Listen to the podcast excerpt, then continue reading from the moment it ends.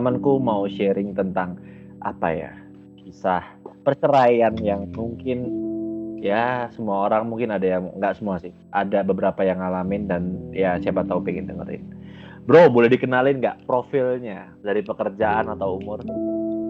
Uh, ya aku umur 29 tahun. Uh, aku kerjanya sebagai pelaut. Oke. Okay. jadi kapal. Nah ini kan apa ya ya aku nggak ngerti. Kebetulan kan pelaut itu cenderung jarang di rumah lah. Yang di mana ada pasti ya resiko mungkin yang sudah ibaratnya kamu alamin barusan ini. Eh setahun lalu lah nggak baru ya barusan. Ya waktu itu aku cerai itu karena ada orang ketiga cuman ya mungkin aku makanya nggak nggak terlalu nyalahin sama pasanganku waktu itu karena mungkin ya emang efek dari kerjaan ya. profit. Uh, uh, kan aku kan jarang di rumah kan.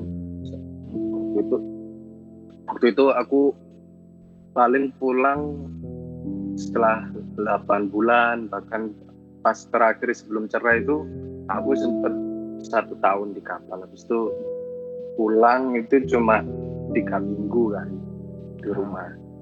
Nah habis itu ya, ya ternyata mungkin dia cinlok kan sama dia kan kerja waktu itu hmm. dia kerja terus ngajin loh uh, mungkin sama temen kerjanya kayak hmm. gitu nah uh, sebenarnya kan ya aku nggak ngerti sebenarnya survei di mana terjadinya perselingkuhan terbesar itu selalu di tempat kerja atau di kantor uh, ya aku nggak ngerti ya mungkin nggak semua orang atau cewek atau cowok bahkan yang e, ibaratnya ngelakuin itu. Nah, sampai pada akhirnya kronologisnya kamu tahu pasti itu gimana, bro?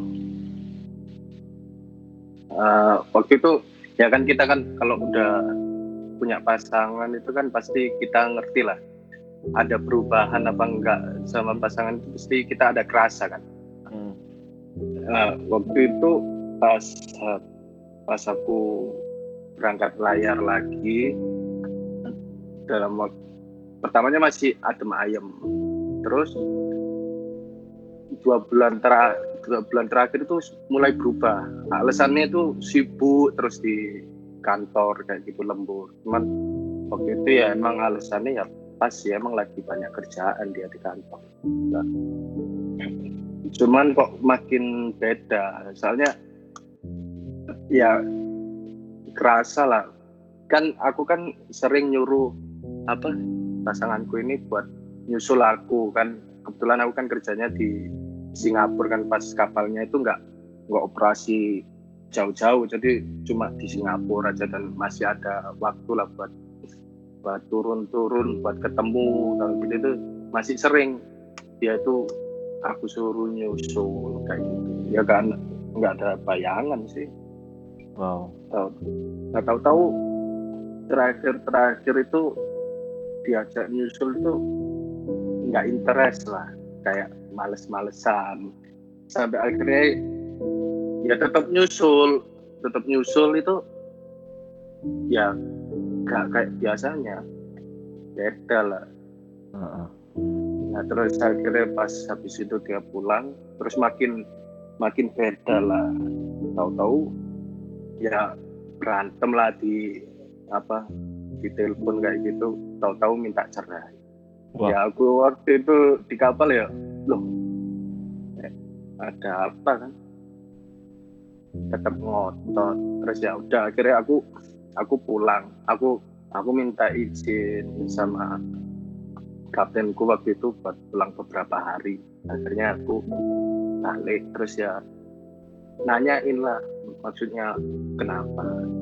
Pertamanya ya nggak ngomong lah kalau masalah udah ada orang lain. Hmm. masih ngomongin ke masalah-masalah yang ya itu di rumah tangga itu ya biasa kan?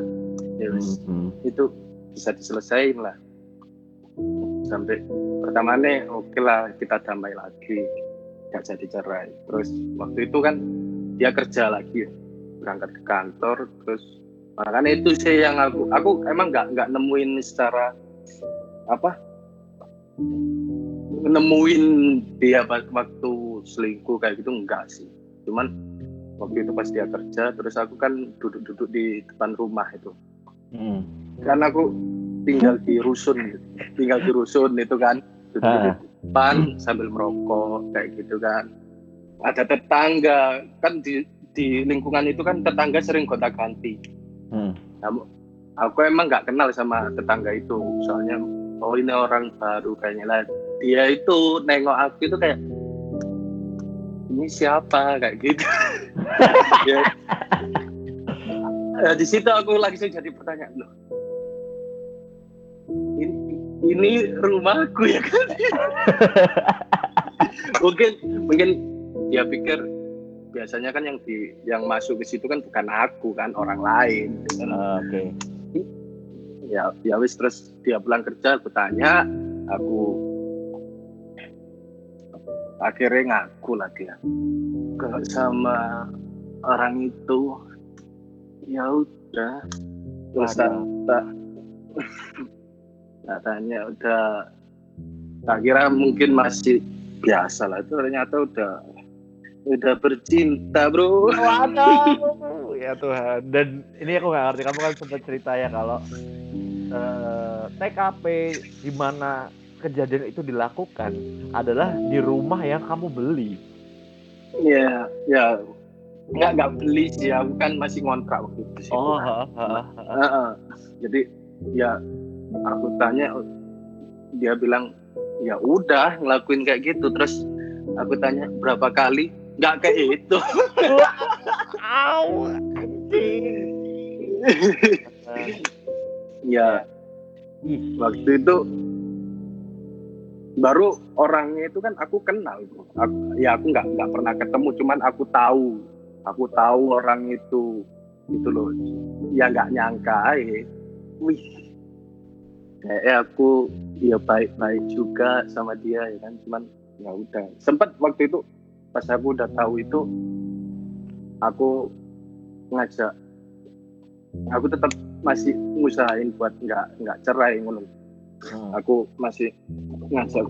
Soalnya aku mikir namanya nikah itu kan kalau bisa jangan sampai cerai sekali seumur hidup. Kan aku mikir kan kayak gitu ya, ya walaupun sebenarnya ya fatal juga kesalahan. Ah. aku ngajak kalau ya ya udahlah kita anggap hilaf. Kita coba kita coba untuk perbaiki. Tapi aku minta tolong kita balik balik ke balik ke rumah. Maksudnya waktu itu kita kan tinggal di Jakarta bro maksudnya udah kamu nggak usah kerja lagi udah balik aja. Hmm. itu maksudku tapi dia nggak mau. Nah terus dia dia ngomong kalau dia udah sayang udah cinta ya kan? Ya udah. Terus dia juga ngomong ternyata ngerasa udah nggak nggak nggak kuat kalau pasangan sama pelaut kan ditinggal-tinggal terus kayak mau kayak gitu kan Nah, iya ya. Ya aku nggak tahu ya. Maksudnya eh, harusnya kan dia udah kenal kamu sejak awal kalau memang pelaut, bukan setelah nikah kamu jadi pelaut kan sebenarnya. iya kan kita malah lebih lama pacarannya daripada nikahnya Ini nih nih lucu nih buat yang dengerin ya. Kadang kita nggak tahu lah ibaratnya pacaran tuh bisa jadi ya oke lah terlihat baik-baik saja dan sebelumnya di episode kemarin juga aku ngomong ya new normal itu adalah setelah menikah itu sebenarnya. Iya benar. New normal itu setelah menikah. Makanya pas dia bilang apa nggak apa nggak nggak nggak kuat juga ternyata sama pelaut itu ya aku ngerasa juga loh udah bertahun-tahun kemarin pacaran ke mana aja ya kan Nah, itu dia ya. Aku juga nggak tahu apa jangan-jangan dia udah kayak gitu pas pacaran cuman kamu nggak tahu kan kita nggak tahu ya. nah ternyata gitu juga emang bro Hah? Hah? ya ya kan waktu itu kan akhirnya apa Sebentar, sebentar, sebentar.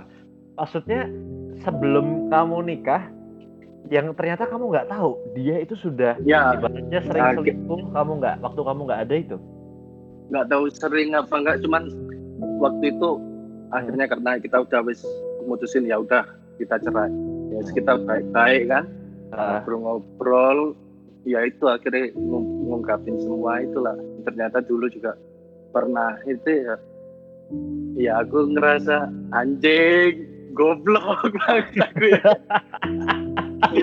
Bangsat bangsat. Cuman eh, aduh. ya ya mau gimana lagi kan udah kejadian ya. Cuman yang gimana gimana? Cuman itu sih yang pacarnya ini tuh aku kan ya itu ya aku tadi kan bilang kan kenal kan. Mm-mm. cuman nggak nggak pernah ketemu cuman aku tahu itu so- soalnya ini pacarnya itu sering bantuin kerja kerjaannya apa kerja- kerjaannya dia gitu loh. Mm-mm. jadi terus ceritanya itu dia ini alim kayak gitu gitu jadi ya aku ya biasa aja. Aku juga waktu itu ya mungkin salahku juga ya kan. Aku Oke. mikir ya namanya namanya udah nikah ala mau ngapain lagi sih? Kan kayak Iya, iya. gitu. Tau Nah, juga udah tau juga udah aku alhamdulillah udah aku cukupin kayak gitu gitu betul betul. Nah ini ini unik sih. ternyata Ah, ya ternyata kan ya dia. Soalnya pasangannya ini juga pernah aku kenalin sama aku punya saudara gitu loh. Anjing. Pernah aku kenalin tapi saudaraku nggak mau. Nggak mau sama dia. Makanya aku hebat hebat. Ini, ini, ini, ini, ini buat yang dengerin ya. Mungkin eh, kadang kita tuh menilai seseorang itu cuman dari luarnya aja bahkan. Yang mungkin terlihat alim contoh si cowok yang mengambil istrimu tadi terlihat alim secara penampilan secara sikap tapi dia masih punya titit bro jangan lupa bro iya, iya, iya. makanya itu ya yang paling ya lucu sih kan yang aku cerita tadi kan sempat sebulan sebelum aku cerai itu kan istriku kan nyusul ke Singapura ke tempatku kerja kan ke Singapura waktu itu kan. Nah, waktu itu dia bilang mau ngasih oleh-oleh nih buat cowoknya ini. Hah?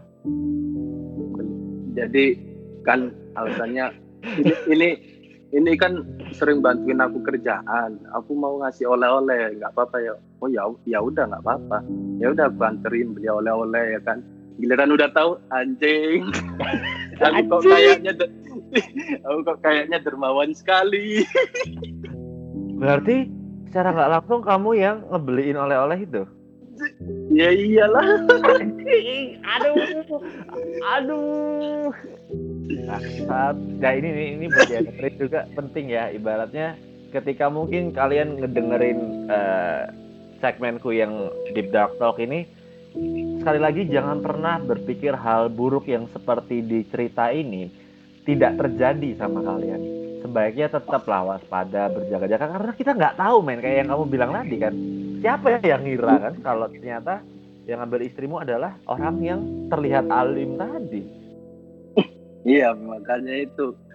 Ya makanya ya tetap ada mungkin aku salahnya. Itu kan aku kurang kurang waspada kan. Aku karena terlalu alah udah nikah mau ngapain lagi sih? Kan gitu ya, terus ada yang deket sama dia ya aku bayangin ya temen itu juga misalnya gini kan aku kan kerja di kapal ya bu Hmm. apa alhamdulillah kalau materi kan tercukupi gitu loh bro Ya. kalau lingkungan kerjanya dia kan maksudnya apalagi yang si temennya itu kan dibanding istriku waktu itu aja pendapatannya masih gede istriku gitu loh jadi Oke.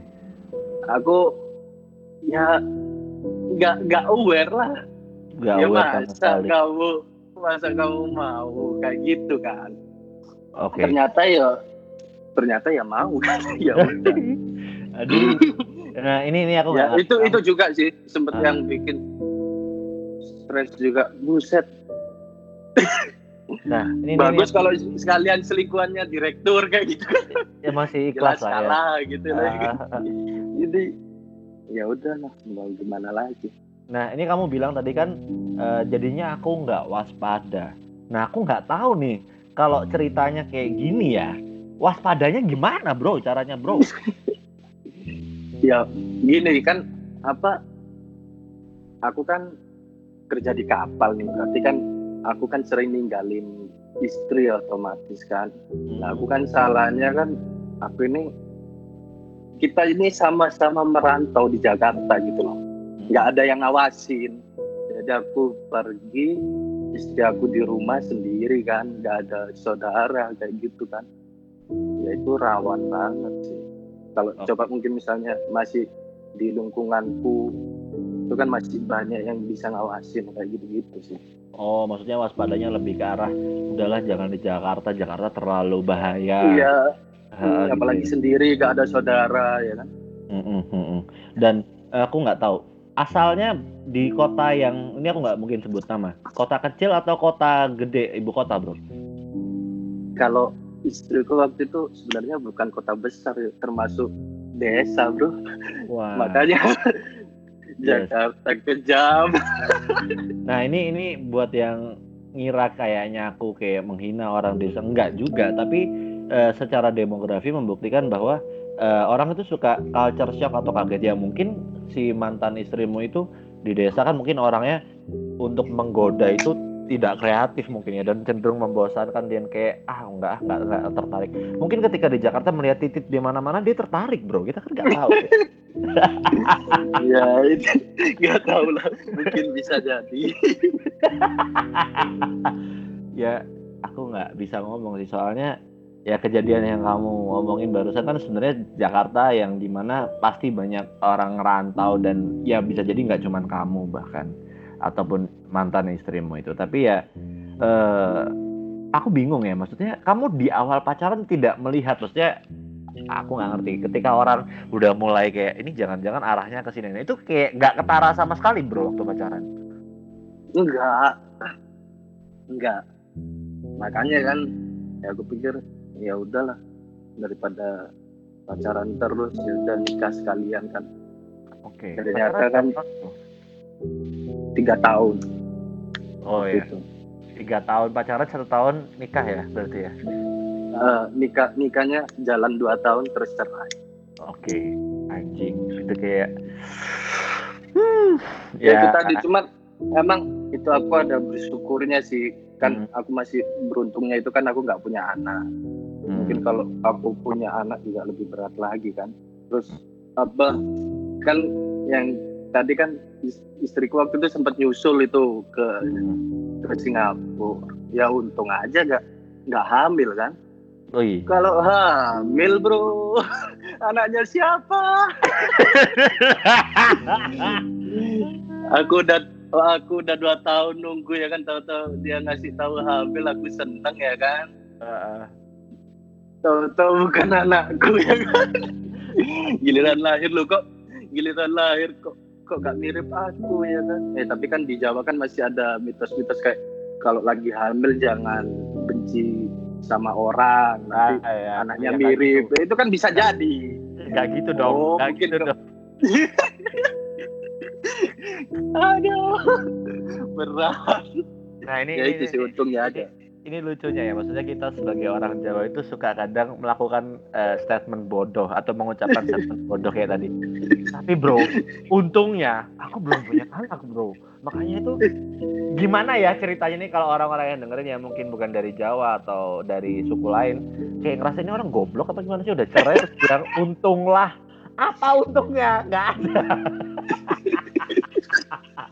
ya gitulah mungkin orang Jawa itu kan selalu bersyukur bro. Iya. itu itu kayak ah udahlah. Dan aku nggak tahu ya mungkin kalau aku belum bisa membayangkan di posisimu karena aku juga pribadi kan belum nikah. Dan bisa jadi ada kemungkinan terburuk kalau misal nih aku udah nikah.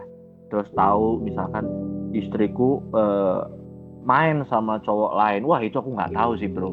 Dan anyway aku nggak tahu tuh gimana caramu supaya tetap ya tetap waras lah maksudnya dengan cobaannya aku bisa bilang wah itu ngaco ya. Bukan berarti nggak ngaco itu bukan lagi fatal itu udah nggak bisa ditolerir lagi itu udah udahlah. Udah pasti salah lah kasarannya gitu ya. Nah itu gimana bro? Kamu selama melaut nggak berpikir aku nyemplung ke laut aja lah. Itu gimana caranya kamu tetap waras itu? Waktu itu ya itu aku kan untungnya kan nggak ketemu sama maksudnya nggak mergokin gitu loh bro. Iya sih Mungkin iya. kalau mergokin ya sekarang udah di hotel Prodeo bro. Iya cuman kan untungnya kan nggak ketemu cuma pengakuannya dia. Waktu itu aku juga nyuruh buat panggil lah dia suruh ke sini. Nggak nggak nggak. Dia nangis nangis lah biar jangan. Ya udahlah. Akhirnya ya kita putusin untuk cerai. Akhirnya aku balik ke kapal ya stres bro. Gimana? Gak stres. Cuman alhamdulillah waktu itu teman-teman yang di kapal ini masih support lah. Maksudnya ya udahlah kayak ngasih tahu. Kan aku masih muda. Udah nggak apa-apa. Nanti cari lagi. Cuman waktu itu tuh yang bikin stres kan gini kan pelaut itu kan kap, apa kalau aku ini kerjanya di kapal yang cuman di Singapura aja. Jadi nggak nggak berlayar jauh gitu loh bro. Jadi aku tuh tiap hari bisa komunikasi bisa video call segala macam. Selalu ada sinyal. Kalau misalnya yang kapalnya jalan jauh kayak gitu kan kadang kalau berhari-hari gak ada sinyal kayak gitu-gitu kan. Ini Mm. yang bikin aku stres itu yang kemarin buset ini apa aku? Karena yang salah profesiku apa gimana? Soalnya kan aku itu kerja masih tiap hari bisa komunikasi masih bisa video call. Maksudnya komunikasi itu lancar. Cuman ya emang aku nggak nggak rutin pulang. Cuman kan masih bisa ada waktu nyusul. Jadi masih ada kita ketemu kayak gitu. Ya walaupun ya itu sih sempat aku pikir "Wah, aku nggak mau nikah lagi lah kalau masih berlayar cuman ya ya tak pikir-pikir ya soalnya aku kan juga lihat teman-teman juga ya gak semua sih kayak gitu kayaknya dia bertahun-tahun ninggal istrinya juga anteng-anteng aja ya ya mungkin emang nasib aja. salah Iya. pilih ada gimana ya, kayak salah gitu pilih mungkin ya bisa dibilang gitu nah Hmm. eh, aku nggak tahu eh intens gak kamu komunikasi maksudnya apakah itu kamu komunikasi video call atau telepon itu tiap hari apa sempat kayak berapa minggu sekali atau gimana? Ya tiap hari bro. Makanya kan aku kerasa perubahannya itu kan karena dia ini pas kita masih adem ayam itu pengennya dia tidur itu ditemenin ditemenin video call kayak gitu gitu. Ditelepon atau gitu sampai dia tidur. Nah be- beberapa bulan sebelum aku cerai itu enggak. Jadi Oh, apa kayak kalau teleponan gitu kayak udah udah kayak nyuruh nyuruh cepet istirahat kayak males gitu loh. Oke. Iya ternyata udah ada yang nemenin. Nah ini kan orang-orang suka merasa kalau ya udah sih kalau tidur ya biarin aja. Nah itu mungkin kita udah mulai bisa curiga lah. Jadi kalau misalkan pasangan zaman sekarang kayak sampai tracking lokasi atau apa ya mungkin ya satu-satunya cara buat menjaga tetap bersama mungkin dengan kayak gitu aku juga nggak tahu. Apa mungkin nanti misal nih ketika misal kamu eh, katakanlah eh, nikah lagi kamu bakalan melakukan yang kayak aku nih, kayak udah mulai protektif kayak ya udah di bener-bener ini location-nya lagi di mana nih? Dan lagi ngapain? Sampai CCTV atau gimana? Gitu nggak? Eh, enggak sih. Cuman aku kayaknya pengennya nggak usah ke kota besar lagi lah. Mungkin nanti ti- apa pokoknya mungkin nanti tinggal sama yang apa ya dia di lingkunganku yang bisa diawasin kayak gitulah. Nggak sampai kan pakai aplikasi-aplikasi kayak gitu ya. Percuma orang sekarang kan juga pinter-pinter bro. Pakai aplikasi juga masih bisa diakalin. Iya sih, iya. Oke. Dan aku ngelihatnya sih jujur aja mungkin buat yang dengerin juga. Kalau misalkan pengen nyari yang langgeng kalau bisa jangan yang beda culture mungkin bro. Karena kan kamu kan tinggal di kota yang gede lah ibaratnya ya. Terus punya istri eh, dari desa. Ya mungkin ya di di sana ya. Mungkin aku nggak tahu. Di desa sudah biasa ibaratnya ngelihat eh, suami istri itu kayak ditemenin, ditemenin terus nggak pernah ditinggali. Jadi kalau ditinggalin ibaratnya jadi omongan atau apa aku nggak ngerti. Jadi kayak mungkin akhirnya dia ya terbiasa aja dengan pola pikir yang sedari kecil dia melihat kayak gitu. Ketika kamu tinggal waktu jadi pelaut, ya nggak kayak nikah mungkin, nggak tahu deh. ya itu ya mungkin makanya kan misalnya kalau mungkin karena materi ya artinya ya kan enggak kan. Tapi ya nggak tahu lagi kalau ternyata pacarnya itu warisannya berhektar-hektar tanahnya di kampung nggak tahu ya kan. Hmm, cuman kan Oke. enggak. Cuman kan kalau sampai sekarang sih pikir ya karena itu karena aku kan nggak bisa nemenin. Cuma ne- nemeninnya telepon. Ya gitu kan dan ya nggak tahu ya. Memang kita ya tetap sih maksudnya ketika setiap ada musibah pasti ada hikmahnya. Paling nggak ya Tuhan masih ngasih kamu rasa syukur. Paling nggak ketika cerai nggak punya anak ya nggak ribet kan pastinya. Nggak harus memperebutkan eh, anak ini ke kamu atau ke siapa. Atau bahkan anak itu anak siapa kan nggak harus berdebat kayak gitu kan. Itu itu itu nggak tahu ya jadinya gimana ya. Kalau misalkan kamu sampai akhirnya contoh si mantan eh, istri katakanlah hamil. Ya aku nggak tahu apa yang kira-kira terjadi. Apakah memang kamu bakalan eh, lebih ribet ataupun gelap mata aku juga nggak tahu sih. Dan ya kamu kira-kira nih bro ketika nanti ke depannya mau nyari yang kayak gimana? Apakah nyari yang sama dengan seperti itu? Hmm, enggak lah. Aku malah kepikir kalau bisa enggak kerja. kalau atau kalau enggak, aku pikirnya mungkin kalau nikah lagi aku udah enggak berlayar lagi kayak gitu. Udah mungkin aku udah kerja kerja di rumah kayak gitu.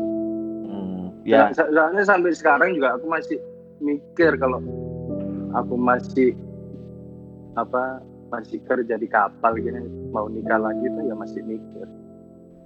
Soalnya kan kalau aku kemarin ini di kapal yang sulit komunikasi segala macam kayak gitu loh kan. hmm, Ini kan aku kerja di kapal yang bisa komunikasi tiap hari masih bisa kecolongan kan gitu.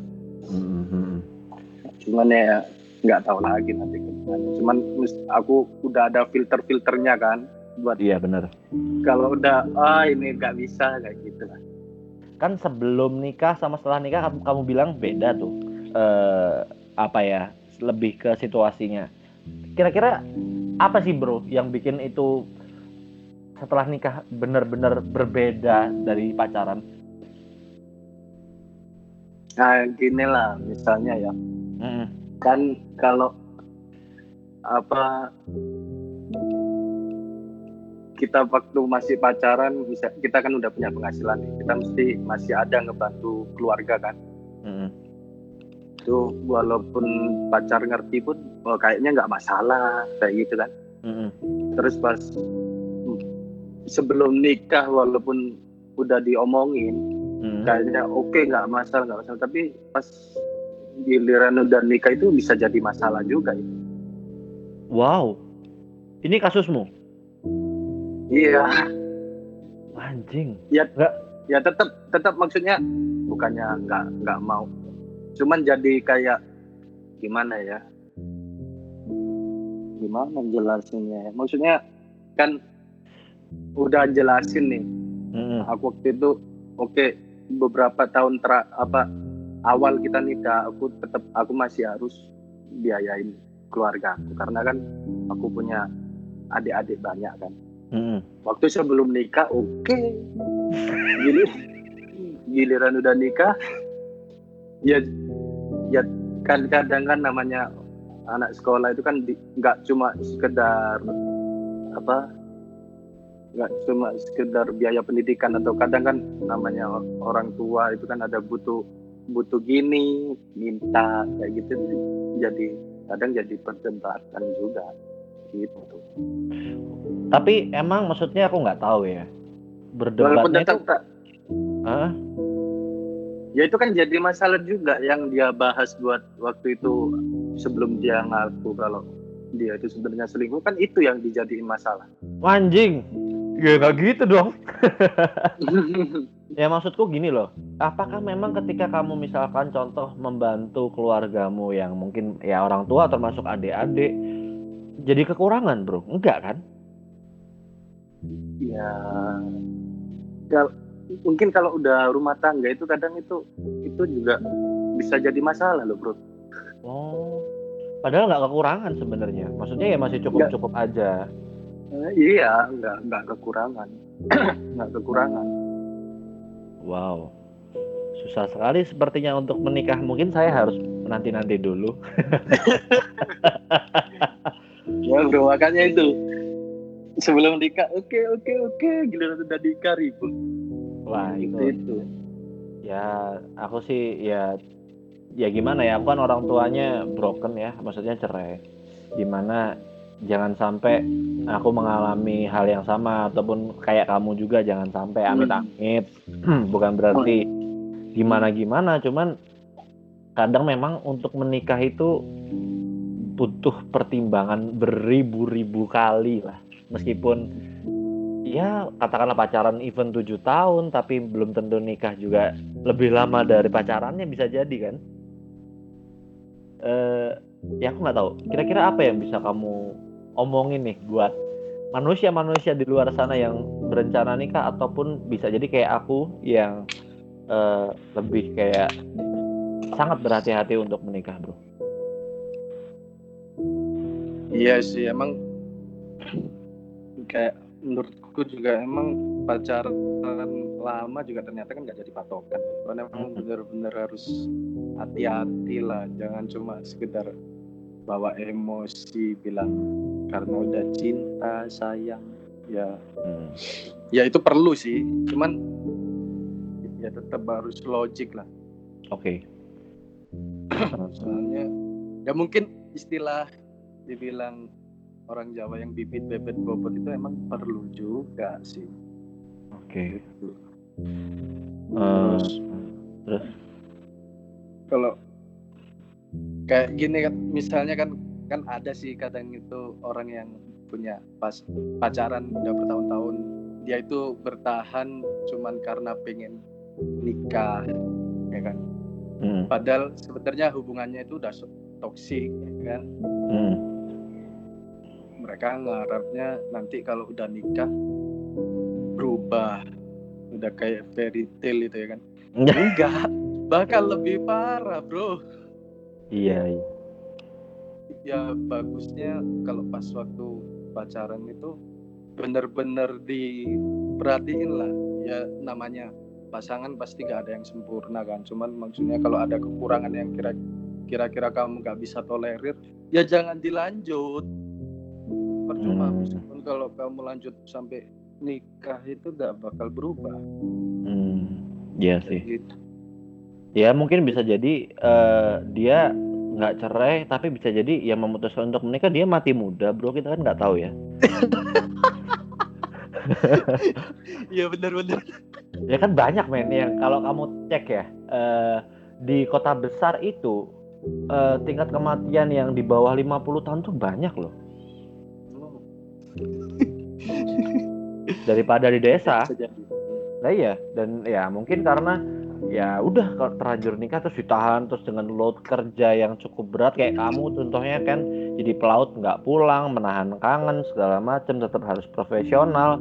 Dan apalagi ada masalah seperti itu ada yang selingkuh wah itu kalau misalkan dipertahankan mungkin kamu mati muda bro. Kita nggak tahu. Iya. Ya untungnya alhamdulillah enggak ya jangan sampai lah bukan enggak jangan sampai jangan sampai. Oh kita masih bisa ngobrol kan berarti masih Eh, aku nggak tahu ada yang mau disampaikan lagi nggak buat orang-orang mungkin ya ibaratnya eh, kok kerja kayak pelaut rentan sih eh, cerainya? Emang nggak ada jalan keluarnya apa? Iya sih emang dibilang rentan emang bener sih. Banyak juga emang aku sering ketemu kruku atau kapten kayak gitu ya rumah tangganya berantakan itu ya banyak. Cuman nggak melulu kesalahannya itu di pelautnya banyak juga yang istrinya kayak gitu. Cuma cuman ya gak sedikit juga yang berhasil apa rumah tangganya adem ayem. Biasanya nih ya Hmm. kalau aku lihat itu mereka mereka itu pas nikah biasanya istrinya itu ditinggalin ke ikut orang tuanya dulu atau gimana. Jadi gak ditinggal sendirian. Walaupun Oh. dia punya rumah walaupun dia punya rumah nih. Mm. pasti punya rumah. Cuman setiap dia berlayar itu istrinya suruh tinggal sama orang tua dulu. Nanti pulang baru tinggal di rumah kayak gitu. Nanti mungkin biasanya kalau udah punya anak mungkin ya udah sibuk. Nah itu. Ya benar sih. Kalau tinggal sama orang tua kita bro kan diawasi Iya masa dia ditidurin orang lain di rumah orang tua? Dah. Gitu. Tidak mungkin lah ya kali. Dan Iya. ini ini lucu ya kan kejadian dia ini di mana rumah yang ibaratnya itu dia yang biayain akhirnya si cowok nidurin di situ. Nah aku nggak tahu semiskin apa sih bro cowok itu bro di hotel bro? ya kan biar gak ribet paling bro daripada cek cekin tinggal ke rumah selesai Ya Tuhan. Mau selingkuh kok nggak mau mikir sedikit ya. Paling nggak modal lah ya. Nggak itu itu aduh nggak tahu lah ya. Mungkin eh, bisa dibilang si mantan istrimu juga ya udah nggak pantas buat kamu dan memang harus mencari yang lebih baik. Ya aku nggak tahu juga. Eh ya paling segitu dulu kali ya. Karena aku nggak ngerti sih. Maksudnya kalau dieksplor terlalu lama dikiranya ntar wah ini ngekspos perceraian terus. Ya nggak juga sebenarnya. Ya pengennya buat yang dengerin ya ya harus tahu lah resiko di mana berumah tangga itu pasti ibaratnya ada juga resiko buat ya cerai. Tapi kamu kepikiran nggak? Maksudnya pasti enggak lah ya goblok pertanyaanku.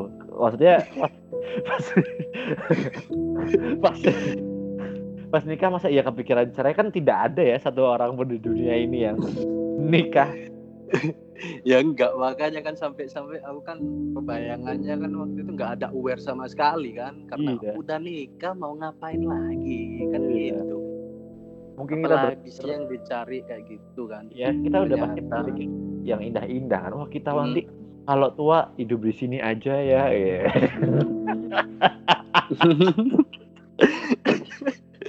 ternyata tuanya masing-masing ya wes bro eh, thank you ya udah mau ngobrol masalah pribadimu hari ini. Ya oke oke. Ya, sama-sama. ya semoga bisa menemukan jodoh yang jauh lebih baik dan lebih pengertian apa pun kondisimu lah nantinya. Eh, semuanya thank you ya buat yang sudah dengerin eh, episode hari ini. Jangan lupa dengerin episode yang lain juga. Stay safe stay clear stay healthy and bye bye